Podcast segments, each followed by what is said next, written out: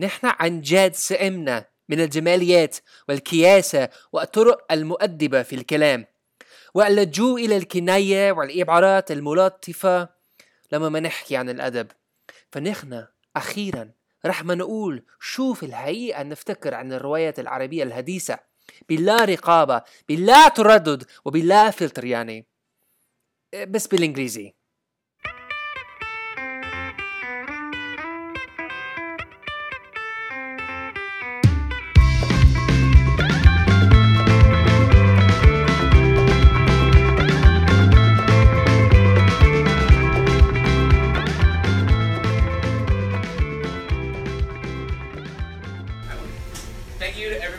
Coming for our uh, radical experiment in using Skype to have a talk.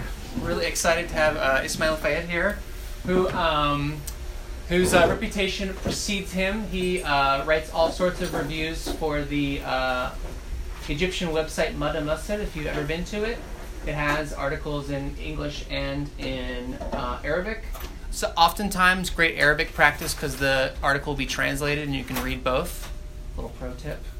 Um, and we invited Ismail here today to talk about um, Arabic literature today and what it's like to be a book reviewer. And um, he reviews books, but he also reviews the art scene in Cairo. Um, he does film throwbacks. He does uh, book, book reviews that have just come out, book reviews that are 50, 60 years old. You, uh, what's the name of the series, the throwback series? Literary gems. Literary Gems, uh, which I really recommend. Um, Rudwa was um, kind enough to bring me back a copy of The Open Door based on your review. I'm reading it really excited. And then someone else on Twitter, we were just squealing today uh, talking about how much we love the book. So thank you again. Um, and thanks for being with us. And uh, we thought since there's just a few of us here, we don't have to end because it's already kind of awkward that it's on Skype. We'll try to have it be as conversational, and I'll ask questions. But any moment that anyone wants to jump in with any questions about Egypt or Arabic literature or anything at all, or art in general, um, feel free to. So um, there's a couple questions that I asked uh, Ismail ahead of time, and we'll start just going through those until uh, we get sidetracked. So, uh, what is Mada Masr? Uh, what was the what does it role it plays kind of culturally in Egypt, and how did you get involved? Well, uh, Mada Masr is the brainchild of Lina Attalah, who uh, worked in several English-based newspapers the la- during the last maybe 10, 12 years. Um, Lina was the English editor at Al-Masry Al-Youm, which was one of the few, you can say, almost independent newspapers during, during Mubarak. Um, and I know Lina from way back. Uh, I've worked with her a while she was the editor, the English editor in Egypt Independent, and um, she's been trying sort of to do her own thing, to sort of create her own independent sort of platform ever since. Um, and she tried several times, and she was shut down several times, until she came up with the idea of an online platform that is not printed. Mm-hmm. Uh, because it, in Egypt it's much much easier to let's say uh, ban or censor press content if it's printed. Mm-hmm. Uh, if it's online, then the idea of censoring it or um, I don't know discontinuing it is a bit more difficult. Um, not recently though, because Mada is blocked, currently blocked. but when when Lina first thought about creating Mada as an online platform, um, it was to give her more freedom and much more um, flexibility. Um, my relationship to Mada started uh, when the um, then, then culture editor Jennifer Evans uh, thought that she would like to create a new kind of um, media and press coverage for art events, Mm-hmm. uh, contemporary art events in Egypt. And uh, Jennifer comes from an art background. She's been an art editor for years. And um, she basically asked me in 2014 if I was interested in writing an exhibition review. Um, and this is how it started, basically. Cool. What was that exhibition? Sorry? What, what was that exhibition in particular? The exhibition was called, uh, called House of Sleep Mhm. by Egyptian artist Doa Aly. Um, it's it was one of the very first exhibitions in um, one of the coolest new galleries in Cairo called Gypsum. Mm-hmm. Uh, Doa Aly is a friend, and I love her work. And uh, I thought it'd be great to just, you know, start publishing stuff with Mada. This is how it started. Cool. Uh, and then how did it move uh, to book reviews?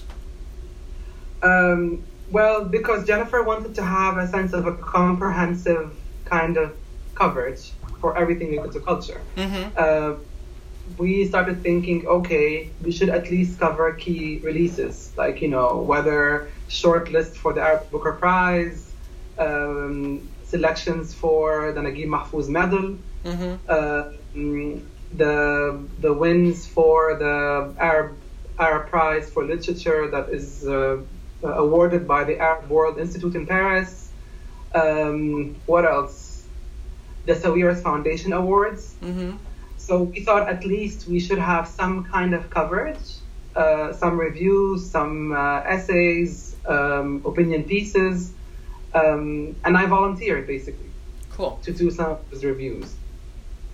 Yeah, you um, was it last year? You went through the entire shortlist for the uh, IPAF. The year before, The year before. Yeah. You made it most of the way through, right? Maybe like five of the six. yes. uh, you didn't do it this year. Well, this year I think It's a lot of um, work. I mean, I mean, Jennifer thought it would be more interesting if we did sort of like a, a three pieces review. Like I would look at three or four of the novels and just one one long form essay or like review. Mm-hmm. Yeah. Um, did you? ha- Has it, come out this year? Well, there's one that I'm supposed to be working on right now. Uh-huh. it, it has been in gestation for about three months. but um, I think because I'm trying to cover outright about a small death by Muhammad Hassan Alwan, which won the Booker Prize for this year. Mhm. It's about Ibn Arabi. And it's a very, very dense novel, and I'm trying to research more into the life of Ibn Arabi before Mhm. I actually sit down and finish the review. Yeah, cool. Um, I had it checked out from the library, and then uh, I was, realized I was never gonna even touch it. It's like this huge, like 600 page book. So we checked it out to Redwa, and now Redwa has to deal with it. What is what is well, the thing that he I, has to I research? feel a bit responsible because um, my father was an avid collector of Sufi books.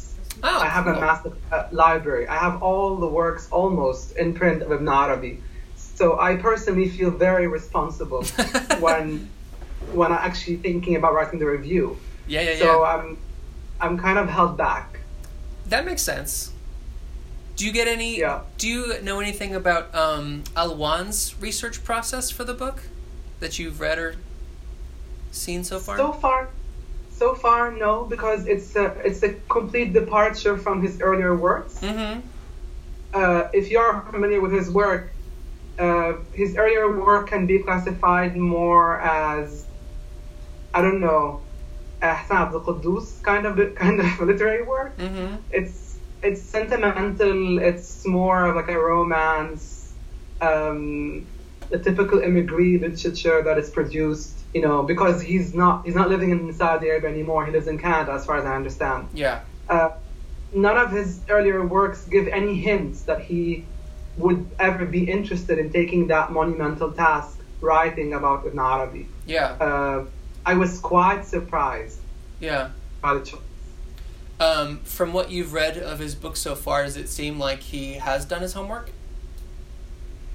Um, I'm still reading the novel, so um, I guess you can say that he's trying to imitate Ibn Arabi's sort of um, thought process, Mm-hmm. uh, if not even the language. Hmm. Um, I'm not sure to what degree of success though.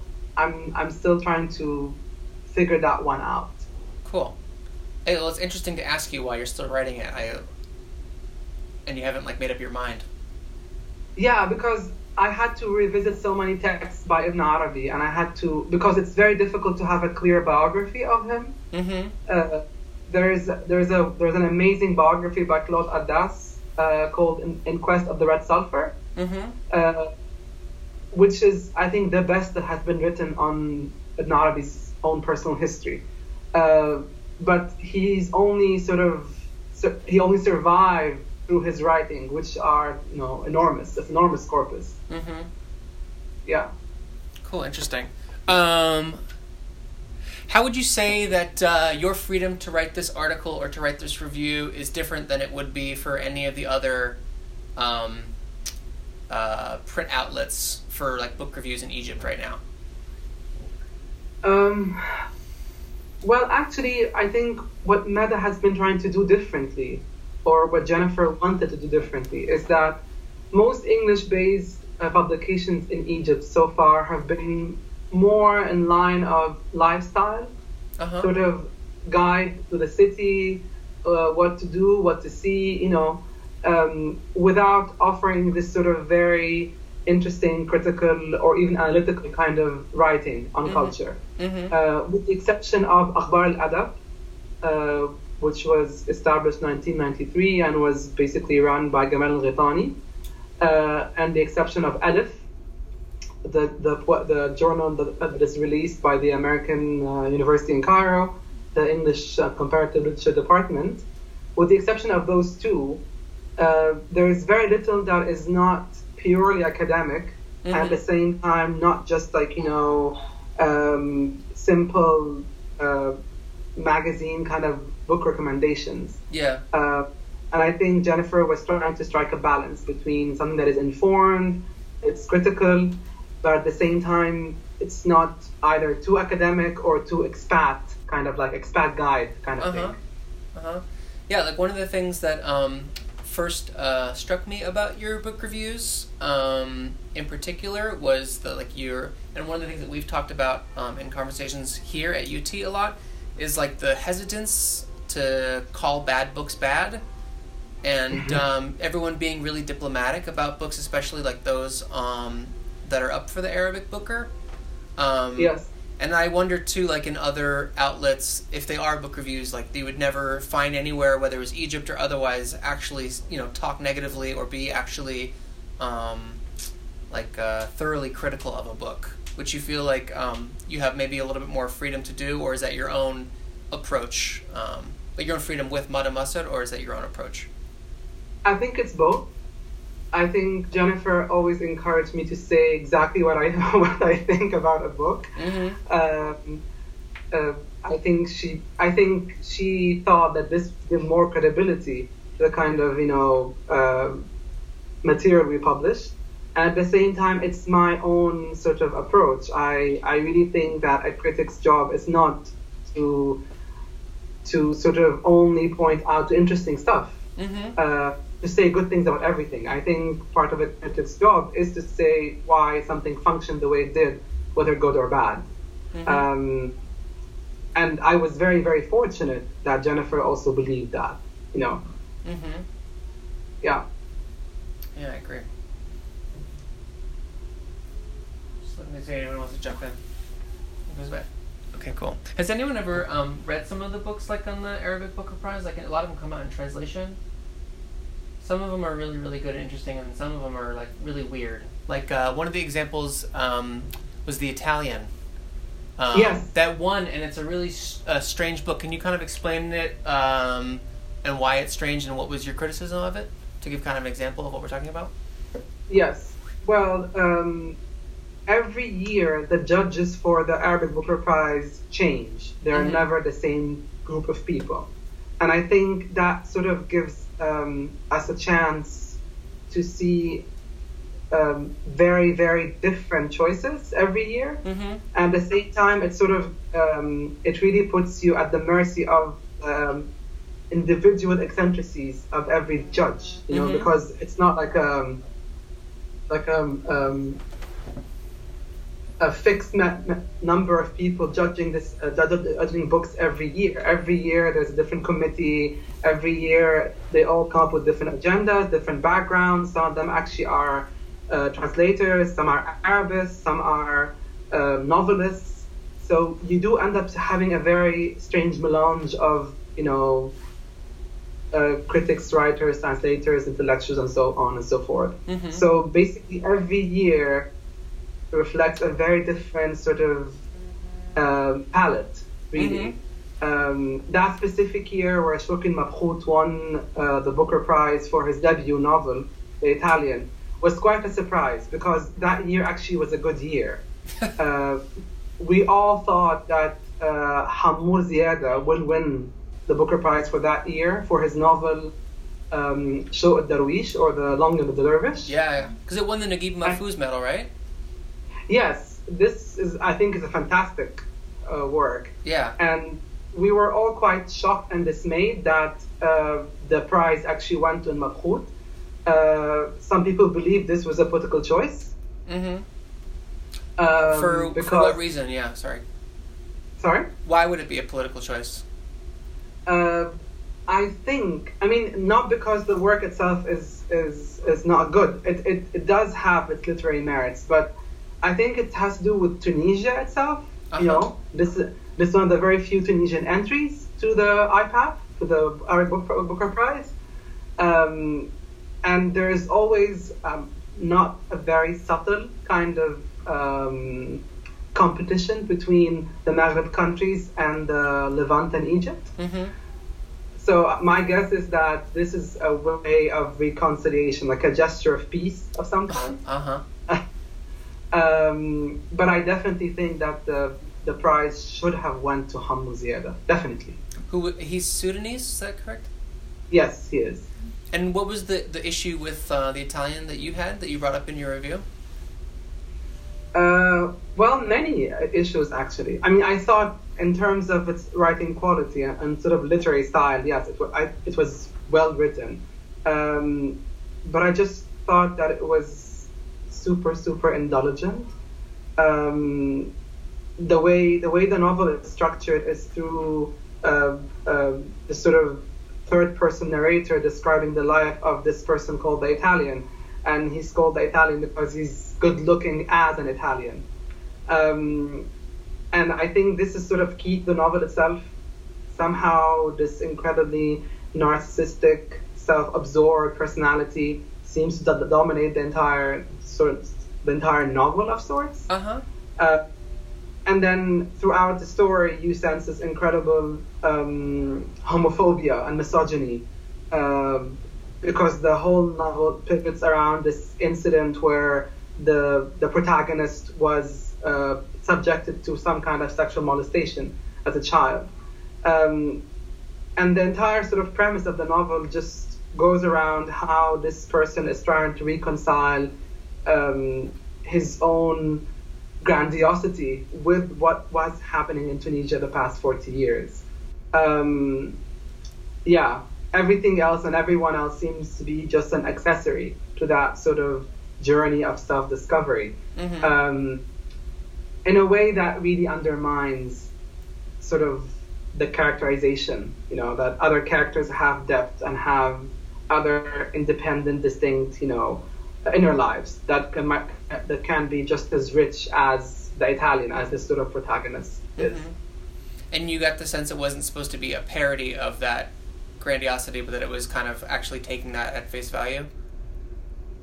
Yeah, I mean, I, I would have thought that it would have made a great parody of that kind of persona, mm-hmm. you know, uh, especially because uh, Mabkhout places uh, the events of, of the story uh, in the early 70s, or late 70s, if I, if I remember correctly. Um, so I, I would have thought that he would create a character which is typically the, um, the outgoing, um, smart, intelligent, good-looking student who sort of takes part in this sort of like uh, student movement in the late 70s in, in sort of the Middle East, um, either to parody it, mm-hmm. really, make fun of that kind of persona, or at the very least point out at how limited that way of looking at the student movement is, because it's definitely not about one single person, and it's not about one single person view. Mm-hmm. Yeah. Interesting. Yeah, right. Okay, I have a to dovetail what you're saying. I have a couple of questions for you, Ismail. The first thing is that you were saying that every year the, the people on the Booker Prize who choose are different. But don't you think Yes. that there are certain um, trends within the Booker Prize that have been pretty consistent throughout, um, like ever since its uh, beginning, 2007, 8, I think, was 8? Eight. 8, yeah. Doesn't- Yes. And so, for example, one thing, as you were saying, the geographical representation is something very important for them. They always make sure that they have somebody from the Gulf, like somebody from Egypt, somebody from the Levant, somebody from the North Africa, whether Morocco or some form of like North Africa. Uh, and recently also they brought in Libya. They've like been trying to be more diverse. And also Yes. just generally there's some themes I think keep recurring in their choices. The idea of West and East, the idea of like the the relationship between the West and the East, like we've seen it right from the beginning with like Bahaa Taher, later on with also like um, like al- Barr al-Gharbi, like you know this constant idea or like uh, Hafid al-Amrikiya, the, the American, like this constant idea of like this relationship, this thought relationship between East and West, I think is also one of their favorites. Would what what do you think about? it? You think that it's true? Or is that just my skewed like uh, reading of it? And and what other trends or themes do you see that keep coming up and that they kind of favor in a way in their choices, at least of the short list or the long list? Yes. Well, I think I mean you make you make a very good point about sort of um, the sort of eschewing towards literature that talks more about the encounter between East and West. Um, that is very true, but I do think that this is not a particular feature of the choices themselves, but a reflection of a current feature of contemporary Arab fiction. I think there's a very big sort of um, preoccupation, if, I can call it such, as such, um, of Arab writers to talk about this sort of sense of being in the world where it's a post-colonial reality or a post-independence reality, uh, whether it is a generation that has immigrated or left, like you know, immigree literature. I think that is part and parcel of contemporary Arabic fiction. I think maybe what the Booker Prize has tried to do is that it sort of brought in um, models of how this has succeeded or failed.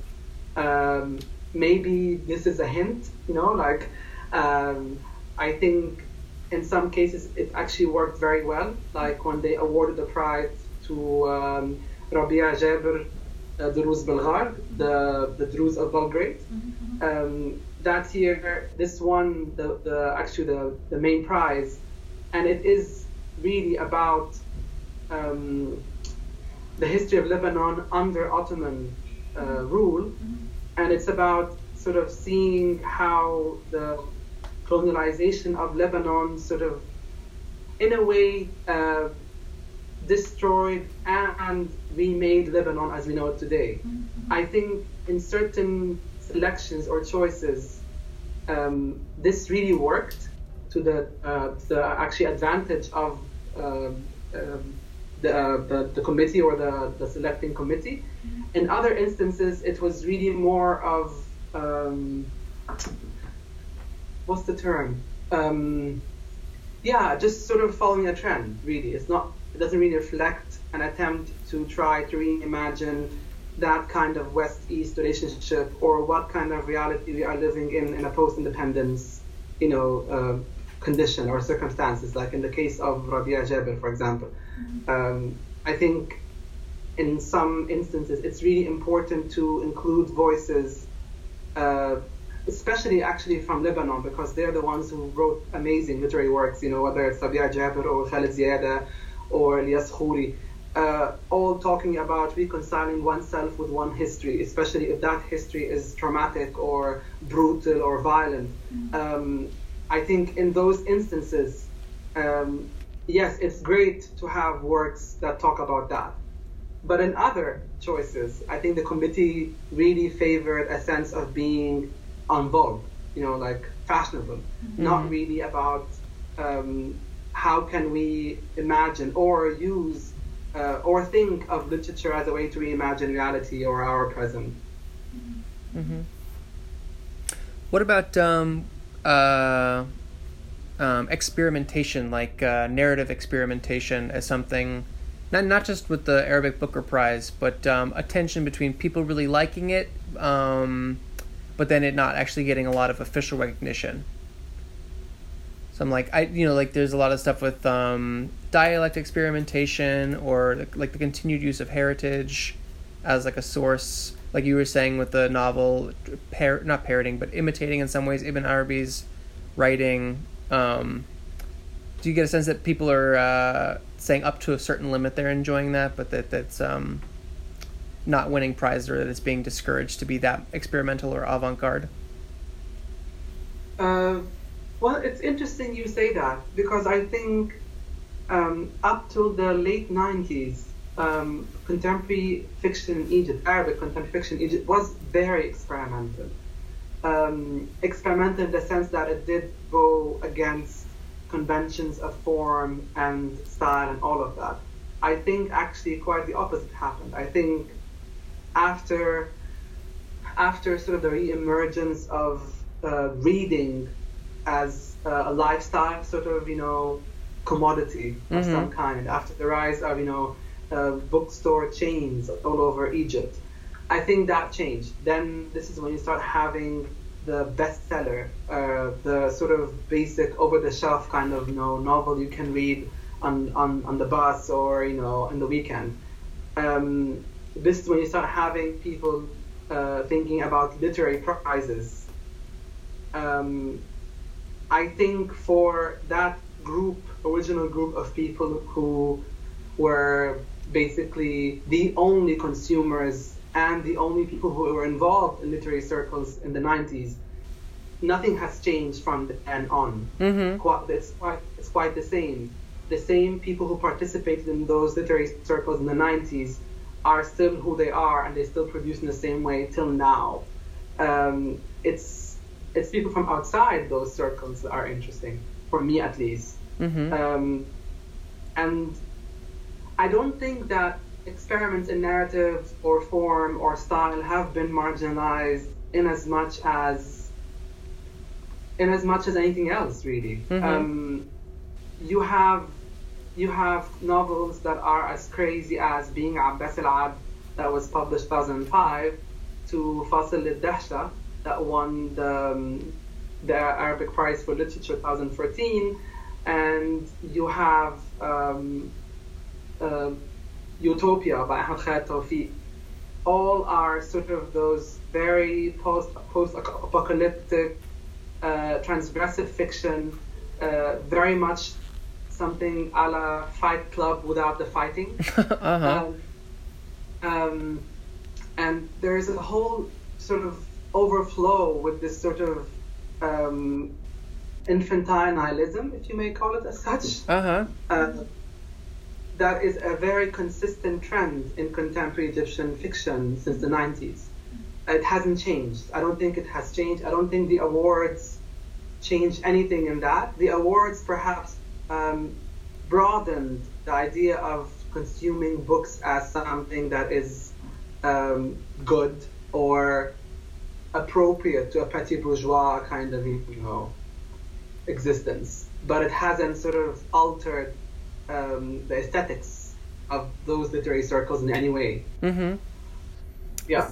Yeah, it's interesting. Like uh, I see all the time people trying to um, create new like genres, trends, and movements, and act as though like only one thing is happening at a given time, and that you can easily say it's because of like the political climate. And then so it's, it's interesting to think about it as uh, different markets and different um, lifestyles. That there are actually lots of things going on at the same time, and that you can't just reduce it to you know, oh, all that's being written is apocalyptic fiction.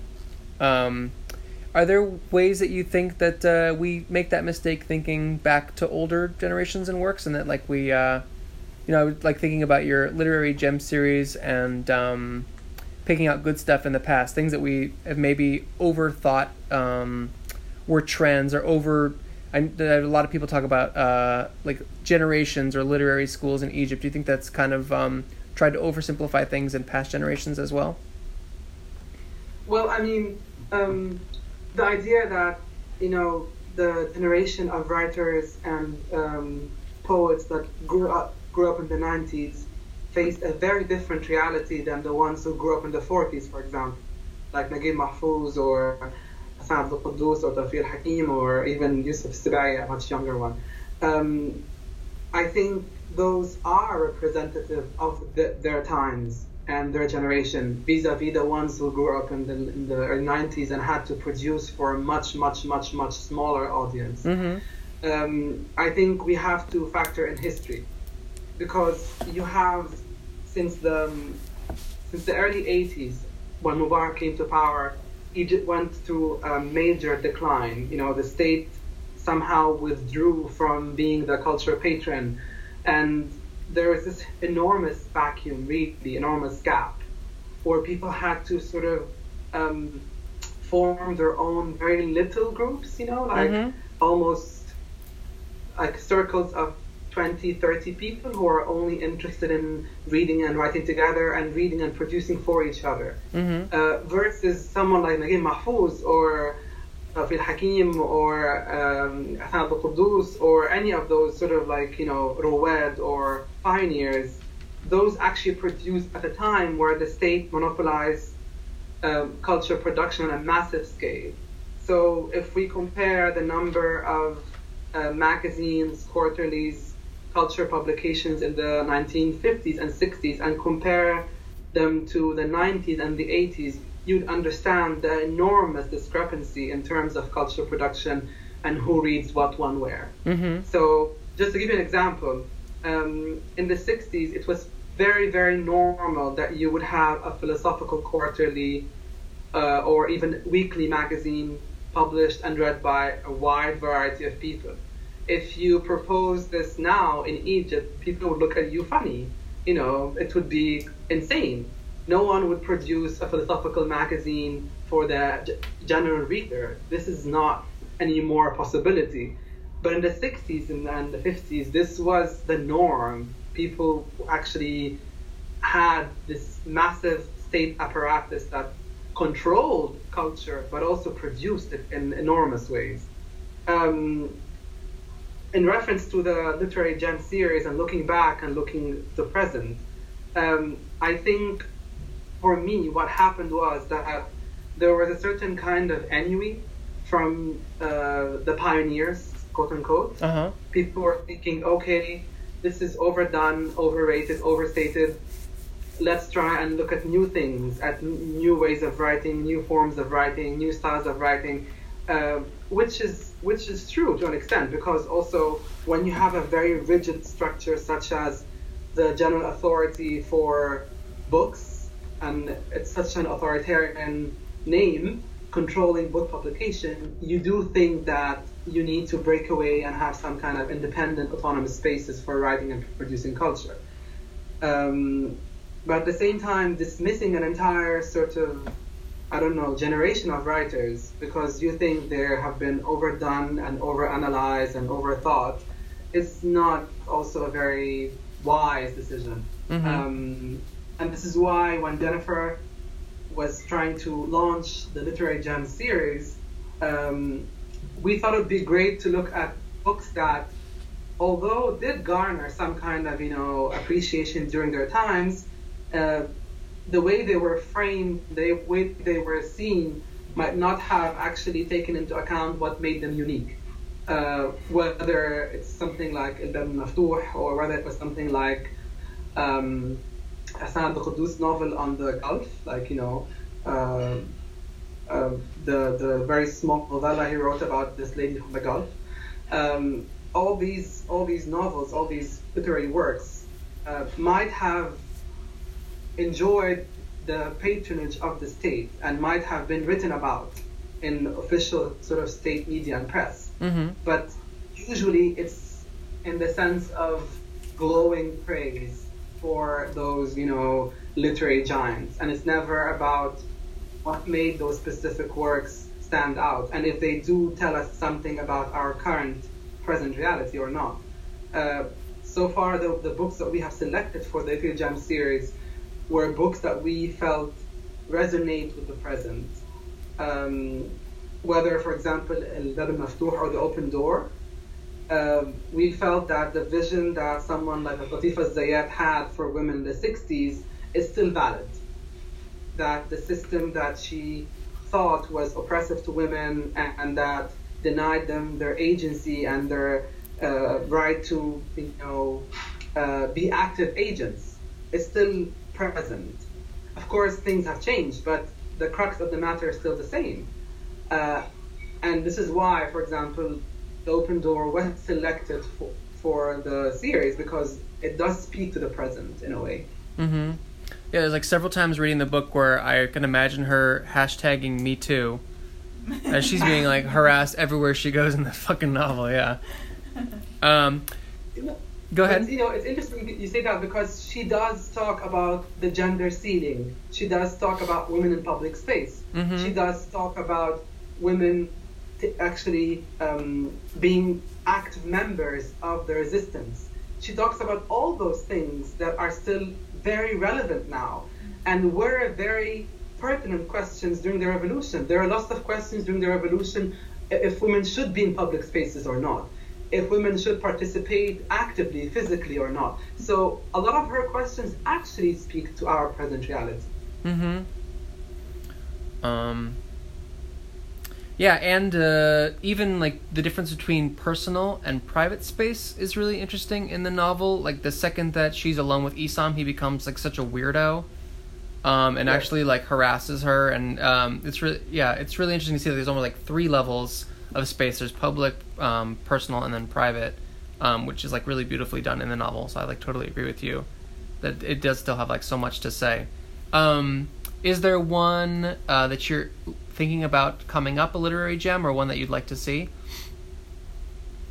Um, I am thinking about um, Edward Kharrat, uh, Rama wa Uh-huh. Rama and the Dragon. Uh huh. Um, I'm Classic. ashamed to say, sorry? I said it's a classic. It's a classic, yes. uh, I'm ashamed to say I've never read it before. Um, and I would like actually to write about it because um, from what I've heard from friends, uh, friends I trust, it's a, it's a very different experiment in trying to sort of excavate, you know, Egyptian consciousness from the perspective of a Copt. So I'm I'm very very curious about it. Cool. Um, will you also do research on that? Unfortunately, yes. what are the um, the resources available to you here? Uh, as uh, graduate students, we're always told that uh, it would be an uphill struggle, if not impossible, to do any kind of research um, going to Egypt, and that would be even like going to bookstores or meeting professors. Uh, what are the kind of places that you think that you would turn, or how would you? We know that for the Ibn Arabi book, you have uh, your own personal library to look at, but how would you uh, go about looking for things and doing research there on the ground for uh, like for uh, the Dragon novel? So, for example, for Latifa Zayat, I had to ask her friends, her students and disciples, um, specific questions about her life. mm-hmm. Uh, luckily for me, she did write her memoirs or part of her memoir uh, later in her, later in her life. But in general, it is very, very, very difficult uh, to do like background research if I want to, to do an, a sort of in-depth kind of investigation. Yeah. Um, I'm very, very lucky that there is uh, the Sakhr archive for Arab magazines, Mm-hmm. uh, which is open to the public till now. God knows for how long, but it is open. Um, and it does offer an amazing insight about how certain literary works were conceived and received during their, their times. Uh, absolutely. Um, Do you know who This hosts is- it? Is it ho- it's hosted in Egypt? The website? I believe so. We have to get it duplicated. It's the Sakhr. Sakhr isn't it by the computer company because they had this huge cultural project. It's the Sakhr computer company, isn't it? Yes, Sakhr is the first company in the world that sort of uh, provides software in Arabic Oh. for Arabic interfaces, Programs, yeah. Huh. uh, Arabic speakers. Uh huh. And they, they, for years now, they've been doing this massive digitizing process where they are trying to create the biggest reservoir, online reservoir of Arab-speaking publications. Um, and so far, it's for free. Um, and it's been sort of my first line of defense. This is where I go to when I want to research something. Mm-hmm. Uh, otherwise, I really ask friends of writers, really, like personally. I, I, I can't go through any of any other institution. Yeah. Yeah. So like at this point, the like the universities and university faculty would not really be a route to go. You're smiling. No. You you guys know something I don't know. No. Why not? no, it's just because university faculty, talking about Arabic literature, Uh huh. number one, they never teach con- like anything post Mahfuz tops.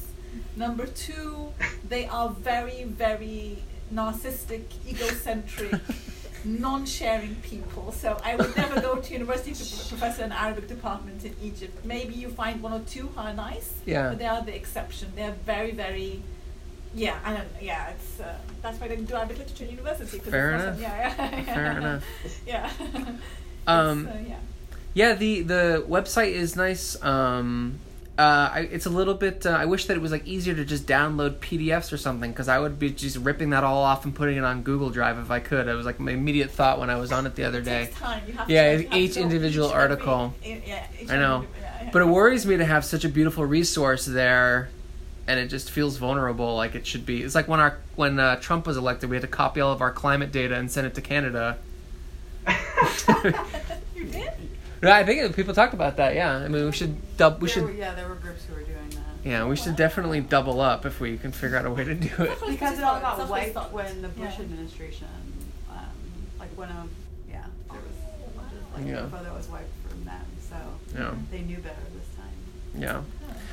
No, it is really interesting. Um, uh, how much like it's a weird contradiction. How much Arabic literature uh, is is online digitally? Like I'll come across Google Drives that are just full of someone scanned like a thousand books, which I've never seen anywhere for anything. Um, or how like I never even hesitate before going, "Oh, I like that book that was written 50 years ago. I'm just gonna find the ripped copy online and download it off of." books for you like right away. It's kind of crazy the like complete availability of everything for free online, but at the same time like the complete closed downness of things in other w- ways. Yeah, I mean, thank God for piracy, definitely. uh, uh, and the fact that Arabs don't believe in private property. So it's, it's great. Like, you know, we have an inherent disdain for intellectual copy- copyrights. Mm-hmm. Uh, which is great because, like you said, you can really think of any book that has been in the past 1,000 years and find a PDF of it somewhere. Yeah. Uh, it's great, and in that sense, it has been very helpful because I managed to get my hands on extremely obscure books. However, having said that, if you're trying to trace out, for example, what cer- a certain author or novelist, you know, wrote in the press, or any kind of interviews or any personal documents, it is almost impossible, really. Yeah. You'd have to go to the Ahram archives in downtown because they used to have an online platform for their archive, but now it's closed off. Yeah. It's, I think Would, So- would you would you describe haram what, what haram is? Al-Ahram. Or haram? Al Ahram is one of the oldest national newspapers in Egypt, and it has a massive archive of everything, basically. Yeah. Not Yeah. not digitized and not available. It was digitized, and it was available for a number of years, and then you had to subscribe, Uh huh. and now it's not just working. They couldn't care less. Yeah, yeah, that was really weird because up until like maybe six, seven years, six years ago, six, seven years ago, it was available online. You could access like they digitized everything, Wow. and they were going back, and it was it was I used it quite a bit, and then all of a sudden it's like not there. Like yeah, I mm, yeah. You got to copy it and send it to Canada. but these are I don't know, yeah. Because like- yeah, you, you never know. yeah. Yeah. And did Sa- do you know if Sakhr had done some of that? Um, uh, what is it called? The um, like uh, digital text reading. It can like read a text and actually digitize the text, like searchable text. Had, did, did they work on that at all? Um, well, I think it's very, very difficult in Arabic. Mhm. Like OCR software is That's what I was almost non-func- non-functional in Arabic. Yeah. Uh, I was a working I was working on a project with MoMA on uh, a volume that's coming up on Arabic uh, Arab, Arab art in the 20th century, and we had the same problem because we wanted software that could read and then sort of like you know produce uh, a PDF or some kind of text format. Uh, but right now there is no software that is sensitive enough to actually capture Arabic. Yeah. It remains mystified and obscure. yeah. Can I suggest? I think that Sakhr does have the, and also can I suggest you go to the Biblioteca Alexandrina because the Biblioteca they came up with software to read Arabic. Um, and it was in cooperation with Google several years ago, and that's how they're digitizing. Uh, you know that uh, Biblioteca has a, a huge digiti- digitization project too, and so I don't know if they will offer this to people, but maybe just ask. They might you might be able to ask them about that because I mean I know they definitely have software in the Biblioteca which can do that. Um, but I don't know if it's open to the public, if they allow you to use this software. I'm assuming not, but maybe I don't know. Yeah, maybe you can get a pirated copy of the software. You know, but it's interesting because the Biblioteca has been mired in such a series of scandals, you know, like in terms of how so many projects that they have run yeah, uh, have been sort of been closed to the public yeah, uh, or just disappeared altogether. yeah, So I personally don't rely on the Biblioteca for anything. yeah, yeah. Yeah, the other day I was looking for, I think it was Al Hilal copies, and someone found out, like, oh, they have it at the Biblioteca Alexandrina. It's available on DVD in their uh, bookstore. Or, like, in their Yes. gift shop. I was like, no thanks. Yeah. But they have digitized some things. For example, they have the whole of Nasser's archive digitized. They have like books. They're digitizing books. Uh, I mean, like the last time I know that they w- it was a, they were working on it hard, but then I think it's come to a stall, which is often the case because there's no follow up. Because there is they get funding for something, they start the project, they don't finish it. But I know they did develop the software with Google. There was a huge opening about that a few years ago, but I don't know yeah, I'm pretty sure they won't be open to the public, but maybe I don't know how you can get in touch with because the Biblioteca, if you know somebody inside there, there's some nice people who work there. Unfortunately, the institution itself is I, is like bad. It's corrupt. There's lots, lots of problems, but there's some nice people inside there. You can you can often like get into contact with, and maybe they can help you um, because that sounds like a wonderful project with the MoMA. Sounds amazing that you want to do Yes. there. Yeah, it sounds wonderful. Did they also. Yeah, F- go ahead. Sorry? Go ahead. Uh, well, the project was conceived a few years ago, and basically it's part of MoMA's um, global series on, on like modern art, Mhm. and they finally agreed to do one on the Arab world. Mhm. And um, they selected three editors working on different Arab countries, uh, and together, sort of, we have been sort of working on selecting and translating key texts on Arab art the last hundred years, Wow. hundred or so years. That's amazing. Um, and yeah, we face enormous problems in terms of securing texts, their copyrights, locating them, you know, all kinds of. We, ha- we had this whole discussion about who has a copy, where, when, how, what. Um, but yeah. Um, and actually, we did go to the Biblioteca because they have the entire uh, uh, documents um, of um, um, uh, the artist's name now escapes me, um, a leading Egyptian artist, and they have this permanent exhibition for the artist.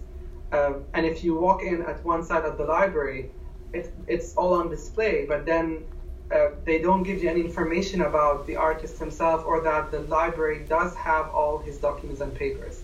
So it's it's a very interesting sort of um, amazing resource that is so badly managed. Yeah. I totally agree. Yeah, it's amazing resource that's very badly managed. Totally agree. When is your MoMA show supposed to um, debut? Well, it's not a show; it's a publication. It's Oh. supposed to it's supposed to come out next March. Oh. Uh, yeah, uh, hopefully, if no delays, if no unforeseen delays take place. Um, but yeah, uh, I'm I'm really sort of psyched about the release of, of, of the volume because it, it's it's one of a kind. Really, it has almost art documents from 22 countries. So Wow. Yeah. I have a question about historical fiction. That's my personal like you know uh, thing I'm very fascinated with, and um, so recently we've seen a huge surge in historical fiction. For example, like Muhammad Alwan, like um, recently in Egypt also Muhammad Abdul Qahar with Gharib. Like you see in Morocco, Bin Salem Himmich. You see um, like all over the Arab world, you see Rabee Jaber, of course, through his Belgrade or his his uh, series on, on Lebanon about Tur al Ambar. Um, what what do you think is there's always been historical fiction in Arabic, but recently there's been this huge surge of historical fiction. What do you think is the drive behind that? Is it just like, for example, during like Ghitani's time, it was more about projection, like using Zayni Barakat to project? Or is it something else? What's is this a newfound awareness about history? Is this new sense of subjectivity? What do you think is happening there? Um, I think, I mean, uh, like I said earlier, I think that in the case of the, um, uh, I'll, I'll give the Lebanese as an example because it's the ones I know a bit more. I think um, in the case of the Lebanese writers, um, I really think it has to do with trying to uh, imagine a different present.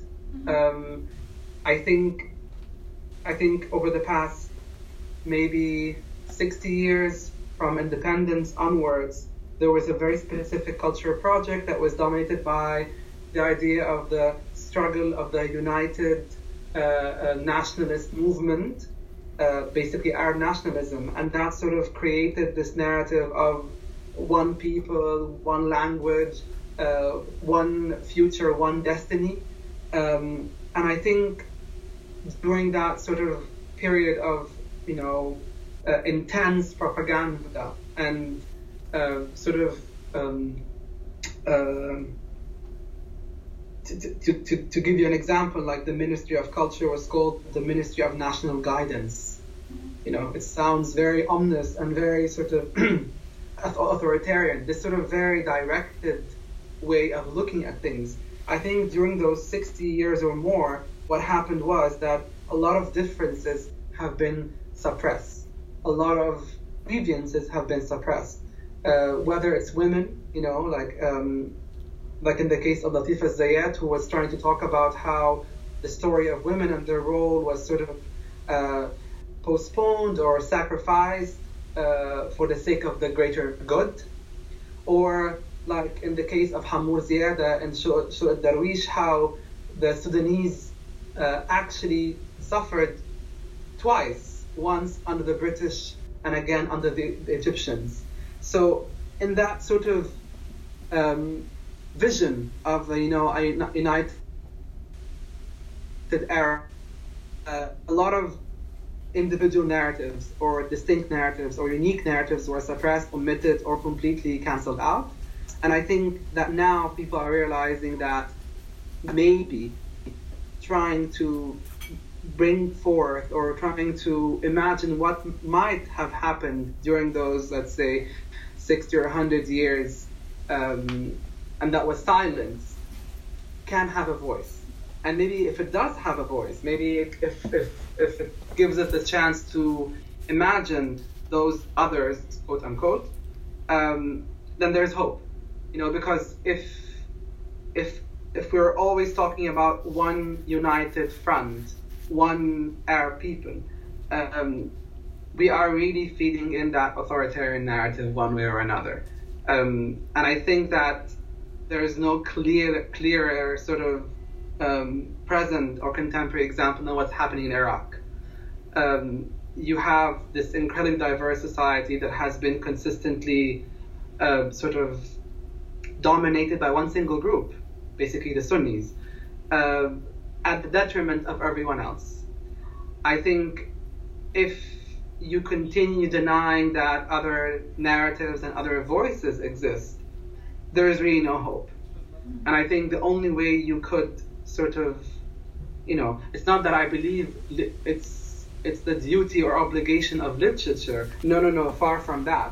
I just think that literature offers you a chance to just, you know, imagine. Um, and I think in the wake of all this sort of fragmentation or the um, perhaps the rude awakening of the failure of the Arab nationalist project, um, you have in place what I call the neoliberal blues. You know, like sort of that that sense that the state failed. Um, you have this incredibly fragmented reality. Uh, you have the sort of competing factions over very limited resources and so on and so forth. Uh, under the sad and unfortunate dominance of a global order that's morally bankrupt. Um, under those conditions, all you can do is say, okay, maybe it's time to address those grievances. Maybe it's time to um, think together, really, by seeing each other, like as in seeing. Um, and I think this is what's happening, whether, you know, contemporary f- fiction from Sudan, from Morocco, from Lebanon, um, even from Egypt.